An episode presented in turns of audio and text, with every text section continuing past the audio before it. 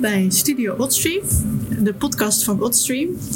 Uh, Oddstream is een platform voor kunst en technologie in Nijmegen. We hadden het in de afgelopen aflevering en zullen het ook in deze aflevering hebben over Hidden Structures. Dat is een project dat we dit jaar doen. Um, dat gaat over de verborgen structuren uh, om ons heen uh, die we niet zien of waar we ons niet helemaal bewust van zijn. Het belangrijkste en meest voor de hand liggende daarvan is het internet. Ik uh, ben Lieke, ik ben de curator van Oddstream en naast mij zit Anne. Zij is ook de curator van Oddstream. Wat vind je trouwens van het woord co-curator? Um, ja, vind ik ook goed woord. Oké. Okay. Uh, wil, wil, je co-curator zijn in plaats van curator? Ja, misschien wel. Oké, nou, naast mij zit Anne Hermsen, co-curator van Oddstream. Um, vandaag hebben we weer een interview met een kunstenaar. Um, dat interview hebben we opgenomen tijdens de expositie Hidden Structures, die we in oktober in Arnhem hadden georganiseerd. En um, hebben we een voordracht van een schrijver van de Wintertuin die een tekst heeft geschreven naar aanleiding van een werk in de expositie. Maar daar zullen we het uh, dadelijk over hebben. Ja vorige week, uh, of vorige aflevering, hoorden we een tekst van Laurens van der Linden. En die tekst was gebaseerd op het werk Cosmologicus van Katarina Petrovic. En dat is ook de persoon of de kunstenaar die we uh, voor deze aflevering dus geïnterviewd hebben. Lieke, je hebt een heel fijn gesprek met haar gehad. Uh, ja. Wil je daar nog iets over inleiden? Wil je daar nog iets? Uh... Ja, het werk is dus Cosmologicus, een, eigenlijk een, een, installatie die uit verschillende onderdelen bestaat. Uh, Catharina gaat het werk ook al een beetje uitleggen of beschrijven in het interview. het gaat ook over de hoedanigheid van kunst en wetenschap. Daar doet zij namelijk onderzoek naar. Um, het interview vindt plaats in, in een café, dus je hoort uh, groezemoes op de achtergrond, af en toe een koffiezetapparaat. En uh, alle Motown klassiekers komen ook nog eens even voorbij. Maar ik hoop uh, dat dat niet al te storend is. Dus dan gaan we nu luisteren naar het interview. Oké, okay, ik ben benieuwd.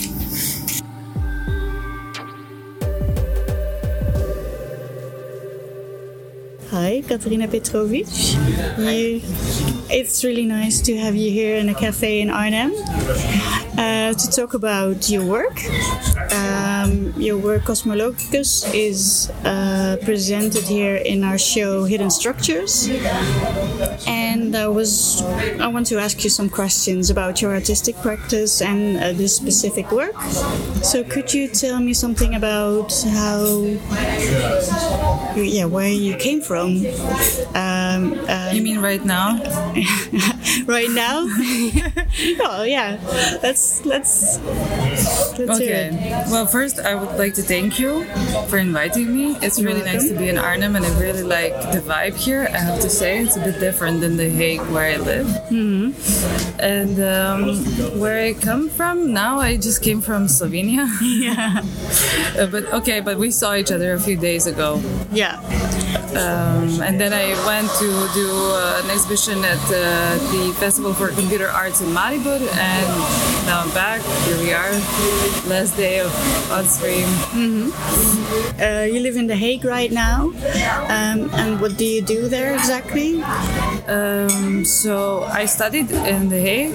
I did the master's uh, at Art Science Interfaculty, Royal Academy of Art, and Royal Conservatory, and I graduated two years ago, and now um, I live. I have my own freelance practice, and just recently uh, I joined in uh, with this big group of uh, alumni from KABK, and we opened a gallery slash project space. So I'm active also now in that part, mm-hmm. and I finally have my own studio, which is great. Yeah. yeah. So you focus also uh, on art and science. Can you tell me a bit more about that? Um, well, yeah. So um, besides the fact that I studied art science and that I'm uh, I identify my work with the larger domain of what we call art science. Besides that, I'm also active as a researcher of this domain. So, uh, just to give some context, um, while I was studying at the Art Science Interfaculty, I started this Art Science Forum initiative, which was basically coming together to talk about what art science is. Because when you ask me what is art science, you are presupposing what it is, and I'm presupposing, uh, but do we mean the same thing? So, um, with the Art Science Forum, I then started uh, researching more and more.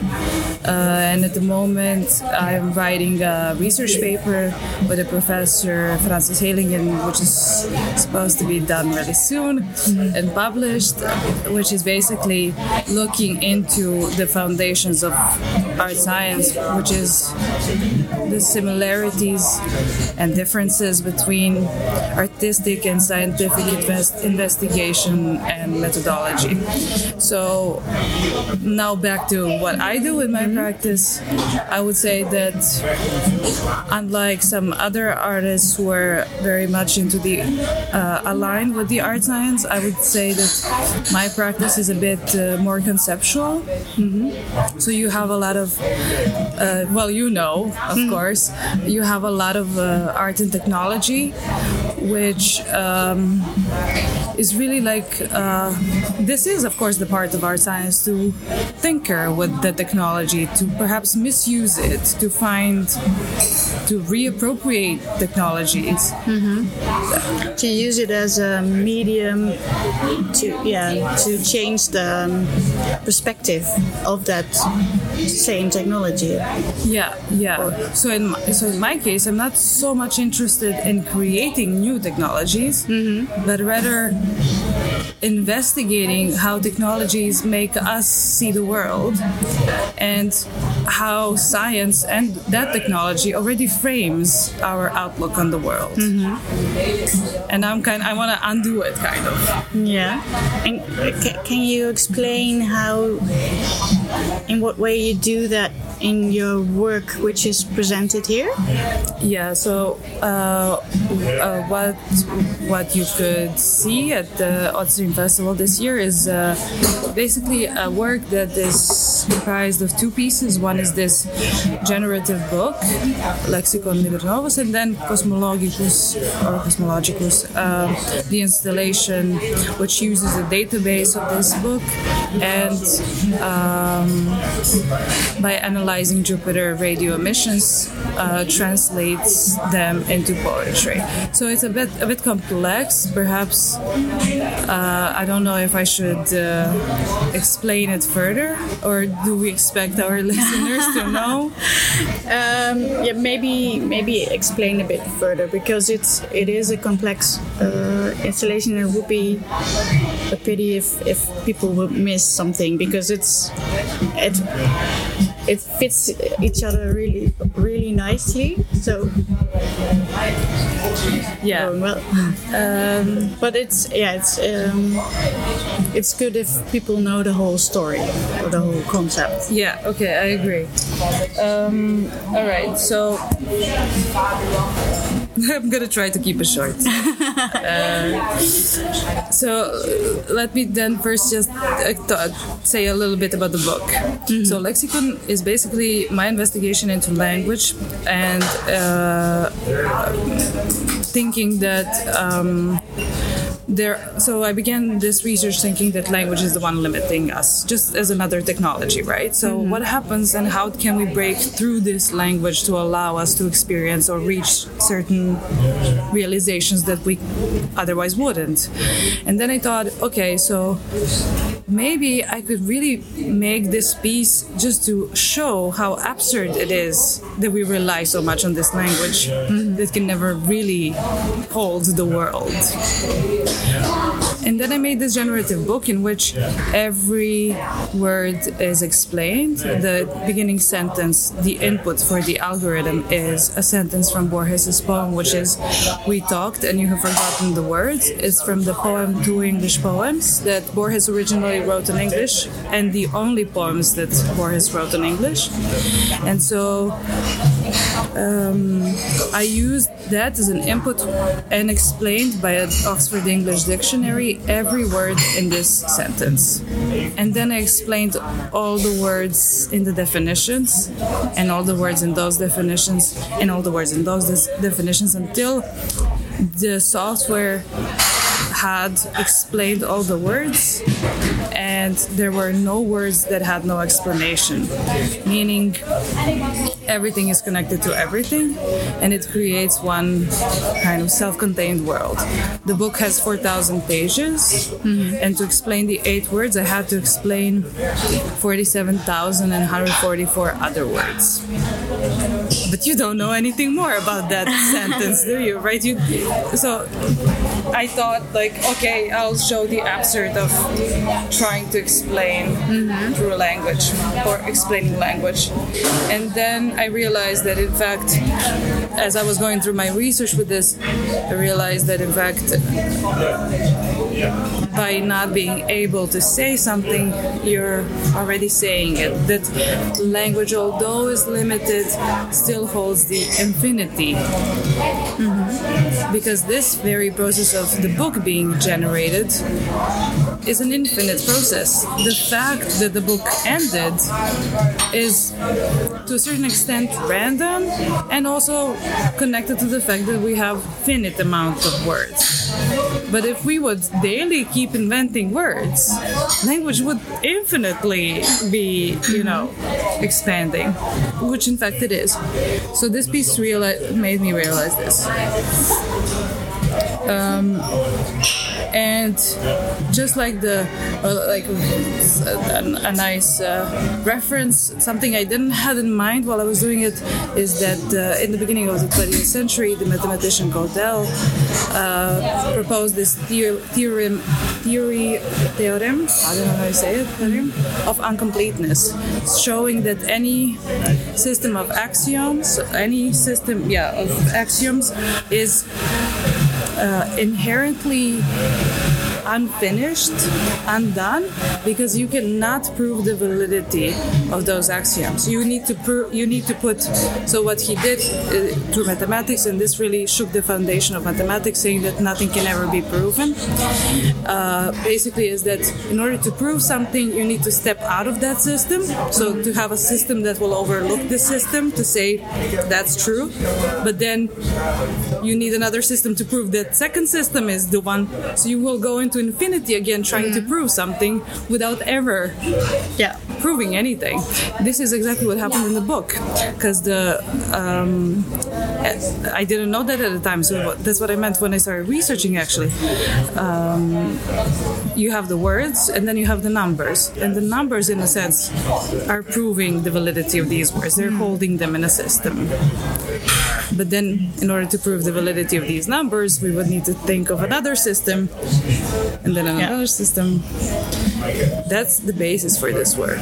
And then the Cosmologicus uh, installation now is based on this book, is, based on this research of the infinity, unprovability, um, and uh, as part of the studies at the Art Science Interfaculty and uh, and one course that we had, which was a, co- a collaboration with the European Space Agency, I actually made an antenna to listen to Jupiter radio emissions.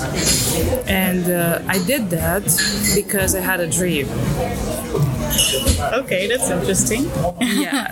I had a dream two nights before we went to the European Space Agency about our atmosphere acting as a lens. Mm-hmm. So I dreamt that I walked out on the street and I saw a huge planet, which I already knew in my dream it was Jupiter.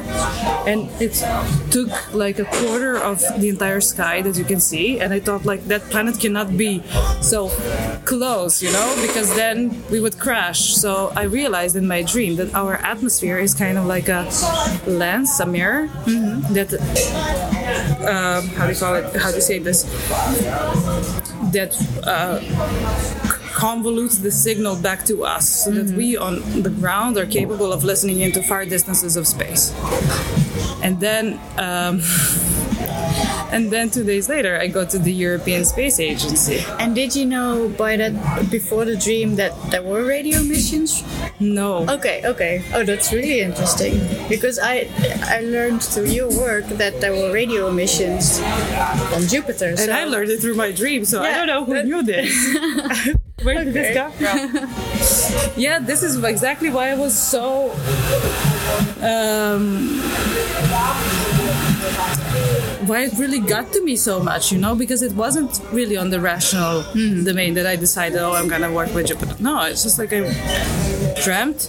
I showed up there less than what in 36 hours. I'm at the European Space Agency. I mentioned my dream uh, to uh, Dmitry Gelfand and Evelina Domnitch, who together were uh, running the course.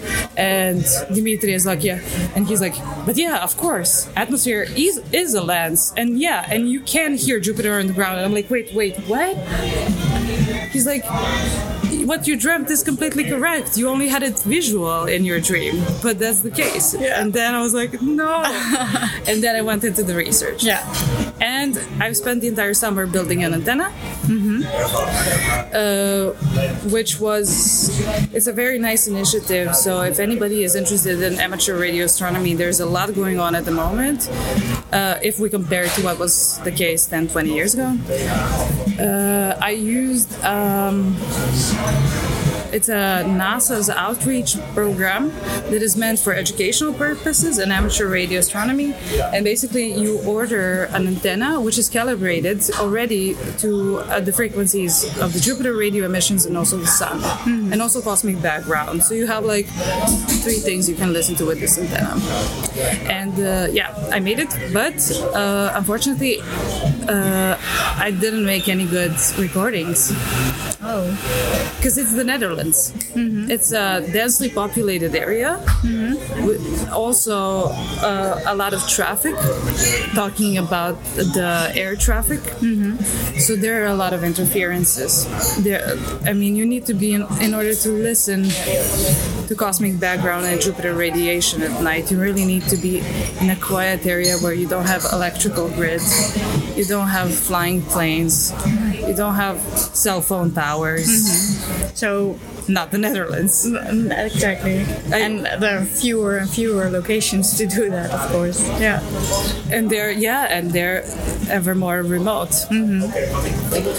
Uh, but the, this Radio JOVE uh, outreach program, everybody who buys this antenna actually becomes a node. So you can tune in to other people listening throughout the world. The software allows you to be a listener and also a server. So anybody can tune in to anybody's observations.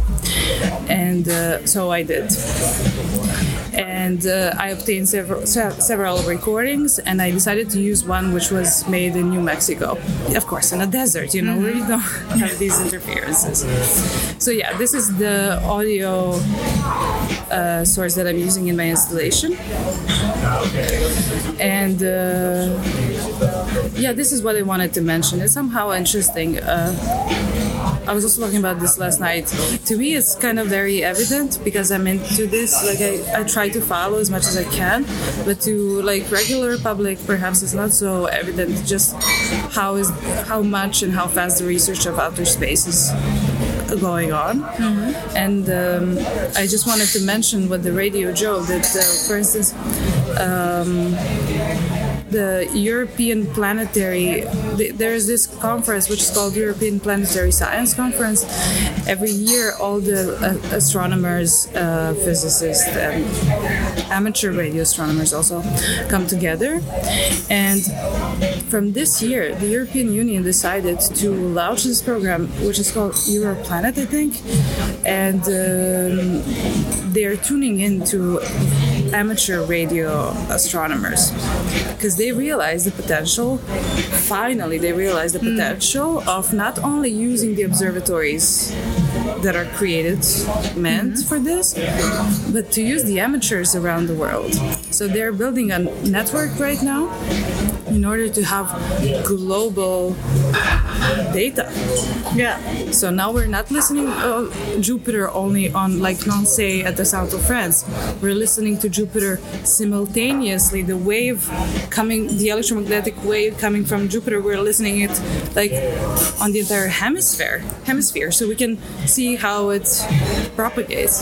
Just very interesting Yeah, thing. yeah, yeah. Sorry, I was just like fascinated. Yeah. Yeah. Okay. So back to the work. I, I tried to be short. Um, yeah. So what I did is basically I used the radio signal and I connected it uh, uh, with the book.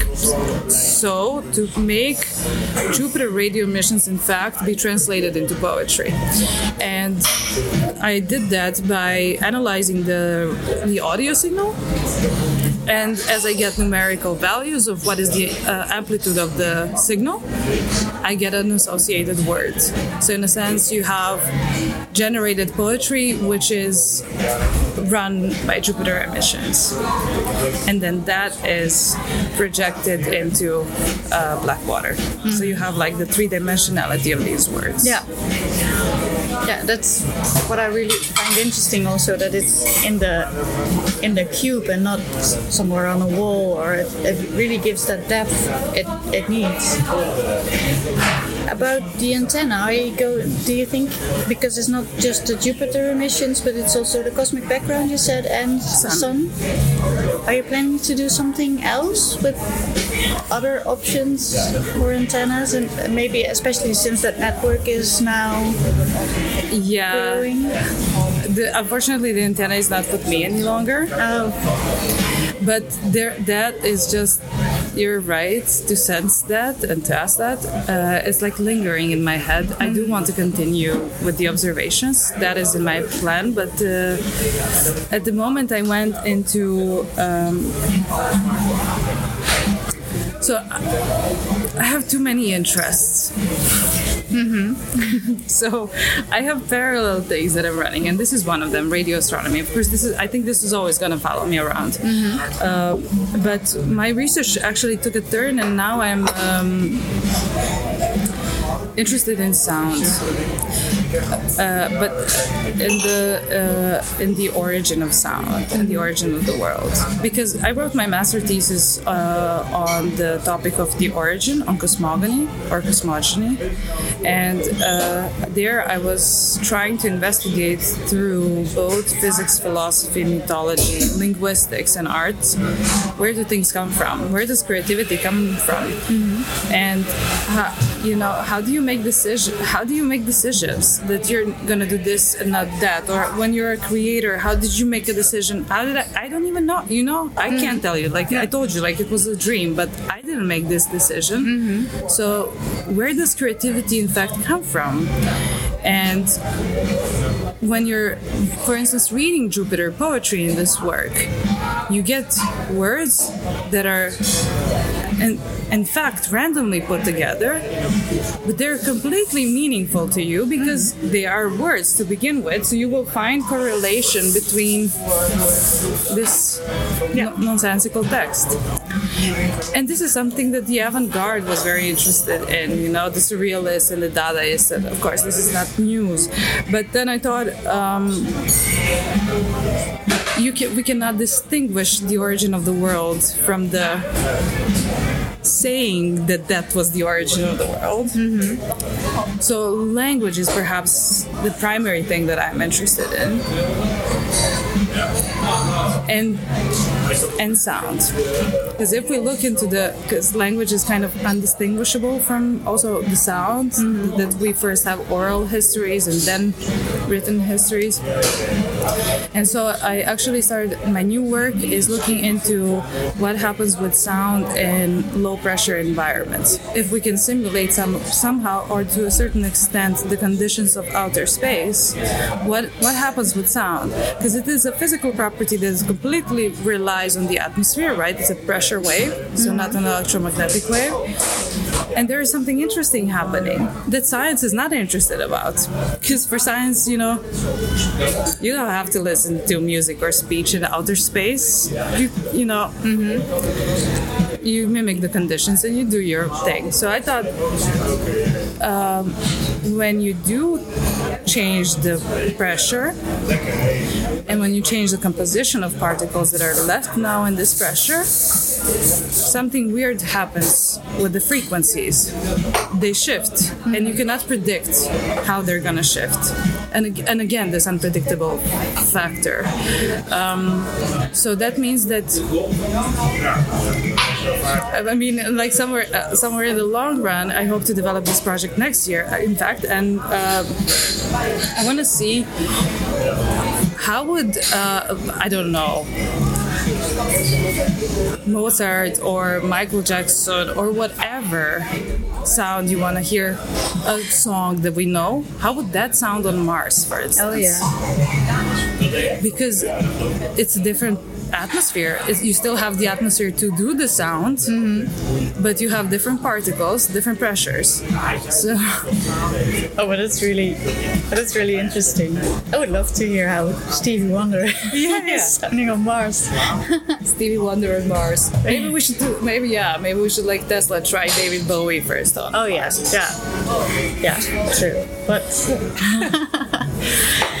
um, um, my final question to you: Are you going to do something with the Jupiter poetry? Is it uh, saved somewhere, and do you want to make something with it, or is this it? Uh, no, it's not. It's, thank you for this question. Uh, I'm right now preparing a printed version of all the poems, and uh, up till now I have 16,000 poems generated, and I want to publish all of them. Oh wow! And published on pa- on print or printed? Yeah. Okay. On print and online as well. So um, in December, I'm gonna have a solo exhibition in Belgrade, where I'm from. So I'm gonna have I'm gonna have a comeback. I previously started painting, and people in Belgrade kind of know me as a painter, new media artist, and now I'm coming back with completely Jupiter poetry. yeah, Jupiter poetry, generated book. What? um, and for this exhibition, I'm preparing uh, an edition of pr- uh, printed Jupiter poetry, and I hope everything will go well.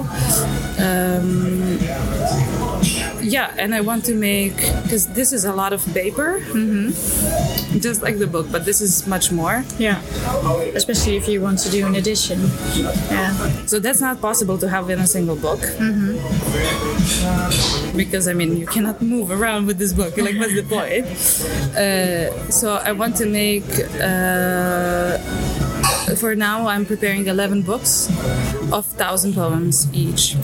And so you can buy uh, one book or a whole collection. And I hope to have people like 20 years from now missing one of these books and Oh, yeah. you know, Yeah, yeah, yeah. finding online. Do you have number five? I have number seven. So cool. Yeah. Nice. Looking forward to the to the books. Yeah. And thank you for this conversation. Thank you. It was a pleasure. Wat vond je van het interview, Anne? Ik vond het heel eh, interessant. Ik denk dat eh Catharina echt een goed voorbeeld is van een kunstenaar die bezig is met kunst en technologie of kunst en wetenschap. En je ziet dat zij ehm, qua beeld eigenlijk best wel een poëtisch werk heeft gemaakt. Het is ook redelijk conceptueel, zoals ze nu zegt. Ehm, maar daar ligt echt een heel groot onderzoek onder eigenlijk. En dat vind ik heel mooi om te horen, omdat je dat niet altijd terugziet eh binnen een kunstwerk. Maar ze heeft heel veel dingen uitgezocht. eh, en ik denk dat ze daarmee wel een soort voorbeeld is van een kunstenaar die op een bepaalde manier bezig is met kunst en technologie. En ze is ook eh, kritisch, denk ik, op hoe er eigenlijk met kunst en technologie om wordt gegaan. En wat de definiëring daarvan is. Want ik Precies. denk dat dat ook nog wel heel lastig is. Ja, Omdat er... Ja, ook omdat het dan... Wij zijn bezig met kunst en technologie. En technologie... Nou ja, digitale technologie om wat concreter te zijn. Eh, dat wordt ook heel vaak gelieerd aan wetenschap. Kunst en wetenschap. Ehm, maar ik vind het af en toe lastig om die twee over elkaar heen te plaatsen. Uh, hoewel ik wel denk dat die kunstenaars meestal wel een soortzelfde uitgangspunt hebben. Um, of eenzelfde soort nieuwsgierigheid hebben. Ja. Om uh, uh, nou ja, in het geval van digitale technologie dat medium te gebruiken en het op een hele andere manier in te zetten. Um, dus dat vond ik wel interessant dat zij daar ook uh, het over had en dat ze daar ook ja, onderzoek Ja. naar doet. Zeker. En ehm, nou, dit kunstwerk was dus te zien binnen onze expositie ook. Ehm, Lieke, waarom vind jij dat dit werk binnen het thema Hidden Structures past? Um, we hebben het geselecteerd omdat nee, we hebben veel van de werken die te zien waren, uh, hadden wel een, een, soort politieke ondertoon over hoe ziet het internet eruit en wie, um, hoe zit, zitten de machtsverhoudingen daarin. Zij, ik wilde eigenlijk ook in de expositie kijken naar een soort speculatief scenario, toekomstscenario. Um, die ook wel wat poëtischer mocht zijn. Ik in ieder geval uh, wilde niet een puur politieke expositie maken. Mm -hmm. um, en ja, in principe zou je ook gewoon heel makkelijk kunnen zeggen... die radio-emissies van Jupiter die zijn verborgen. En zij weet daar een, of ja, ze heeft daar een methode voor gevonden om, ja, om daar um, een soort stem aan te geven. Precies. Ja. Dat vond ik heel interessant. En wat on, ons allebei een, be een, beetje opvalt, is dat veel kunstenaars ook met de ruimte bezig zijn. Ja. Met planeten en uh, communiceren met die planeten. En dat is, speelt natuurlijk nu heel erg met een Tesla die de ruimte in geschoten Mhm. mm -hmm. wordt. Maar dat is natuurlijk altijd, heeft altijd tot de verbeelding gesproken. En ik vind dat wel interessant ook binnen, binnen dit thema. Ja, zeker. Um, wat je bij dit kunstwerk misschien ook wel zag, is dat, uh, dat je als bezoeker kom je een ruimte binnen en daar staan een aantal dingen. Je ziet een heel groot boek liggen en het, het is niet meteen dat dit werk heel duidelijk is. Uh, dus als je met mensen, met bezoekers daar naar dat werk aan het kijken was, dan moesten mensen ook een soort zoeken naar de structuur die er eigenlijk in dat kunstwerk zit. Ja. En ik denk dat dat ook wel ervoor zorgt dat het past binnen het thema. En ik zag ook vaak dat mensen, als ze eenmaal begrijpen hoe dat zit met die woorden in dat boek en uh, hoe die woorden dan weer op dat scherm komen en zo, uh, dat mensen dan dachten van, oh, nu heb ik deze structuur van het kunstwerk een beetje door en nu kan ik er mee verder. Mm -hmm. Ja, het sprak ook wel bij heel veel mensen tot de verbeelding. En ik denk dat dat ook gewoon, ja. dat blijft wat ik net zei. Zo, mensen zijn er altijd door geïntrigeerd. Science fiction verhalen. En, en dit is een, wat dat betreft geen science fiction, maar wel gewoon die. Ja, de ruimte is gewoon. Ja. Uh, ja, zoiets on, uh, ontastbaars. Mm -hmm. En doordat zij een tastbaar werk van heeft gemaakt, ja, vinden mensen dat wel heel erg. Uh, ik denk dat, uh, dat de ruimte ondertussen ook steeds tastbaarder lijkt te worden. Inderdaad, omdat er zo'n uh, zo'n Tesla de lucht in wordt geschoten en mensen praten over leven op Mars, wat misschien ooit wel echt mogelijk zal zijn. Ik denk dat dat wel meehelpt aan een soort hype die je weer rondom de ruimte ziet binnen de kunstwereld. Ja. Ja, misschien gaat het. Ja, met heel veel onderwerpen gaat het natuurlijk uh, op en neer. En ik denk dat we nu weer inderdaad op een moment zitten dat, dat, uh, dat kunstenaars en schrijvers en weer daarmee aan de slag willen. Ja. En ook, nou ja, goed, en dat is misschien ook logisch, omdat in zekere zin, omdat. Uh, nou ja, het is duidelijk dat uh, de, de, aarde niet, ja. uh, niet de eeuwigheid heeft. En dat er gewoon heel veel mensen al na aan het denken zijn over mogelijkheden om op Mars of Mars te gaan koloniseren. Door mensen als Elon Musk wordt dat wel weer een beetje geprikkeld of zo, Mhm. mm -hmm. die ideeën daarover. Ik denk dat het kan goed zijn dat het daarmee ook te maken heeft. Ja. De volgende rubriek, wie gaan we horen, Lieke? Weet je dat nog? Ehm, ja, we gaan horen een tekst of een voordracht van Marjolein Takman.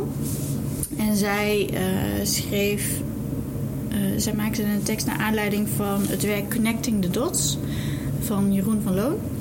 En laten we eerst even luisteren naar de, naar de tekst en daarna gaan we het ook even over het werk hebben. Yes.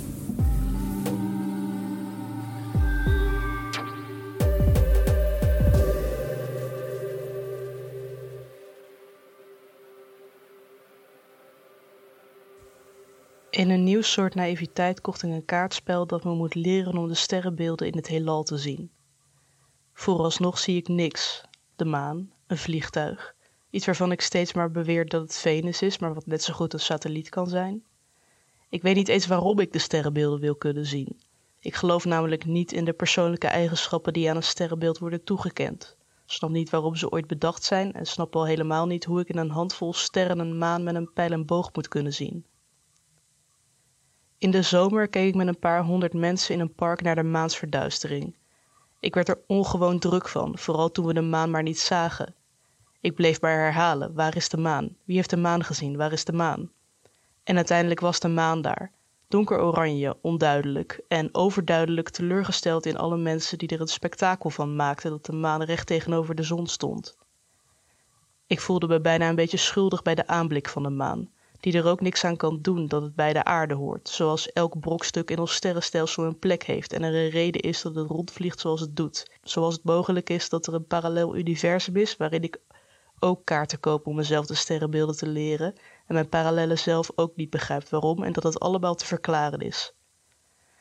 Van sommige dingen vind ik het moeilijk om te accepteren dat ze niet alleen zijn, zoals bedrijventerreinen langs de snelweg, bankjes die uitkijken op een kale muur mijn benedenbuurman, die ik vaker in de sportschool zie dan in het trappenhuis van ons flatgebouw, tuinmeubels, plekken met één enkele windmolen, honden waarvan je maar blijft twijfelen of ze weggelopen of losgelaten zijn en wat het verschil is tussen weggelopen of losgelaten zijn.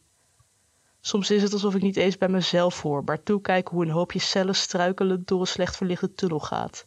Maar dit is de aarde, stabiel deinzend in een baan rond de zon in een stelsel waarin alles blijkbaar in balans is. Onze enige fout is dat we alles een naam hebben gegeven. We moesten alles een naam geven en daarom is het meer dan gewoon alles. Mijn kaartspel leert me dat Jupiter een maan heeft die Ganymedes heet.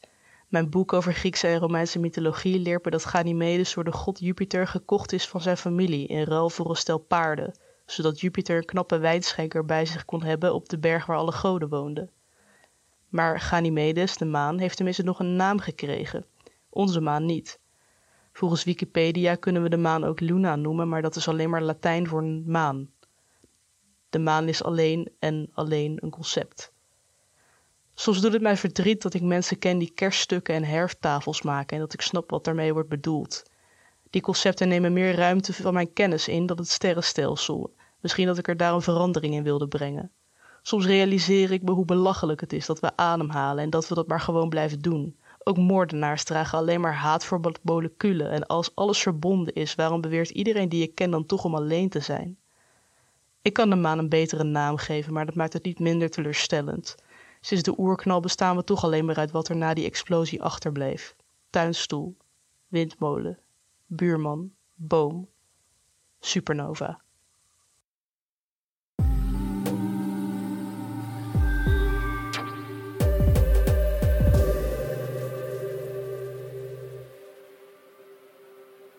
De tekst die je net hoorde is gebaseerd op uh, Connecting the Dots. Een werk van Jeroen van Loon, wat hij uh, heeft gemaakt samen met heel veel kleuters. Mm -hmm. um, Lieke, kan je misschien kort vertellen hoe dat werk er ook weer uitzag? Het werk bestaat uit heel veel tekeningen van kleuters. Um, ehm, 300 of zo, toch? Ja. ja. Um, en het heet Connecting the Dots en het is die ja, het is gebaseerd op die verbinde punten tekeningen. Dus dat je een lijntje trekt van 1 naar 2, van 2 naar 3 en dat er zo een figuur ontstaat. En die punten um, zijn eigenlijk in, in die tekeningen zijn internetkabels. Mm -hmm. um, onderzeese internetkabels. Er bestaat een almanak. Uh, die heet ook Submarine Cable Network of zoiets. En waarin dus lotte gronden staan van die kabels en hoe, hoe die precies lopen. En Mhm. wie de eigenaar daarvan is en, en, en hoe lang ze zijn, et cetera, et cetera. Eh, Jeroen heeft al die ehm, plattegronden eigenlijk overgenomen en daar dus van die verbinte puntentekeningen van gemaakt. Mhm. En hij heeft kleuters die punten laten, ehm, laten trekken. Dus als ik het goed begrijp, heb je dus ehm, ongeveer 300 kabels. Die Mhm. er, internetkabels die over de wereld heen lopen. Mhm. Ehm, en hij heeft van elke kabel heeft hij dus één blad gemaakt. Van elk kabelnetwerk. Van elk kabelnetwerk. Ja. Oké. En op dat blad staan een aantal punten. En als je die punten verbindt, dan heb je dus de vorm van een netwerk. Ja. Jeroen van Loon heeft er dus voor gekozen om, die, eh, om dit werk dus niet alleen te maken. Hij heeft niet zelf al die puntjes verbonden. Hij heeft dat eh, gedaan samen met heel veel kleuters. Lieke, kan je uitleggen waarom hij dat met kleuters wilde gaan doen? Ehm, nou ja, sowieso, eh, al die kinderen die hebben dus verschillende kleurtjes en verschillende kleuren krijt gekozen en daar hun eigen ding van gemaakt. Dus het ziet er gewoon iets. Nou, het ziet er sowieso minder strak en minder zakelijk uit. Waardoor het ook een beetje, nou ja, misschien een komisch effect heeft. Maar zijn, ehm, waarom hij kleuters heeft gekozen is ook omdat kleuters opgroeien met het internet. Voor hun is dat normaal. Wij kunnen ons nog een tijd herinneren dat we niet dagelijks of continu op het internet Jij zagen. wel, Lieke. Ik niet, denk ik. Oké, ik kom me nog een tijd herinneren. Ehm, dus, dus ja, voor hem is dat gewoon een heel belangrijke eh, bewustwording misschien. Ja. Ehm, Ik denk dat het ook zo is, eh, deze kleuters die kunnen opgroeien met internet. Ehm, maar die zullen zich nog niet zo snel bewust zijn dat het internet gewoon door kabels heen gaat die door de zee heen lopen en die aangelegd moeten worden. aan de andere kant, kleuters weten dat niet, maar de gemiddelde persoon weet het ook niet. Want Ja. we hebben allemaal het idee dat het internet in de lucht hangt. Mhm. Terwijl het zo concreet is als een kabel onder de zee. ja. Ehm, dus ja, dat is dan ook wel misschien wel een grappige of een interessante, interessant punt. Nu hebben we het even gehad over dat werk, Connecting the Dots.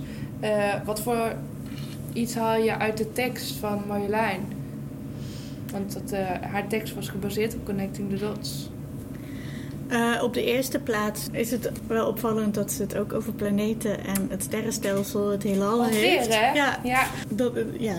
Ze- Zeker ook omdat we natuurlijk Cosmologicus en Radio Jupiter van Laurens van der Linden hadden. Die daar ook heel erg gaat over het heelal en over, nou ja, in dit geval Jupiter. Lees ik ook een beetje in dat zij meer wil weten van een, een stelsel nou ja, boven ons. En dat ze ook gewoon, dat, dat zo groot is en ja, niet echt te vatten is. En dat Mhm. ze wel de best probeert te doen om, om dat wel wat meer te begrijpen. En Connecting the Dots gaat eigenlijk ook over het vatten van een stelsel, maar meer ja, onder de grond of onder, Oh, ja. onderzees. ja, dat vind ik wel een mooie link. Marjolein, dankjewel voor je mooie tekst. Mhm. De volgende keer eh, hebben we een interview met Marco Barotti, onze favoriete Italiaan. Oh ja, zeker onze favoriete Italiaan. En eh, hebben we nog een laatste tekst en die is van Wout Waanders. En hij eh, heeft een tekst geschreven naar aanleiding van Pedesis. Een werk van Roos Meerman en Parking. Oké, dan denk ik dat we het volgende keer ook nog meer gaan hebben over hidden structures. Natuurlijk. Natuurlijk. Tot de volgende keer. Tot de volgende keer.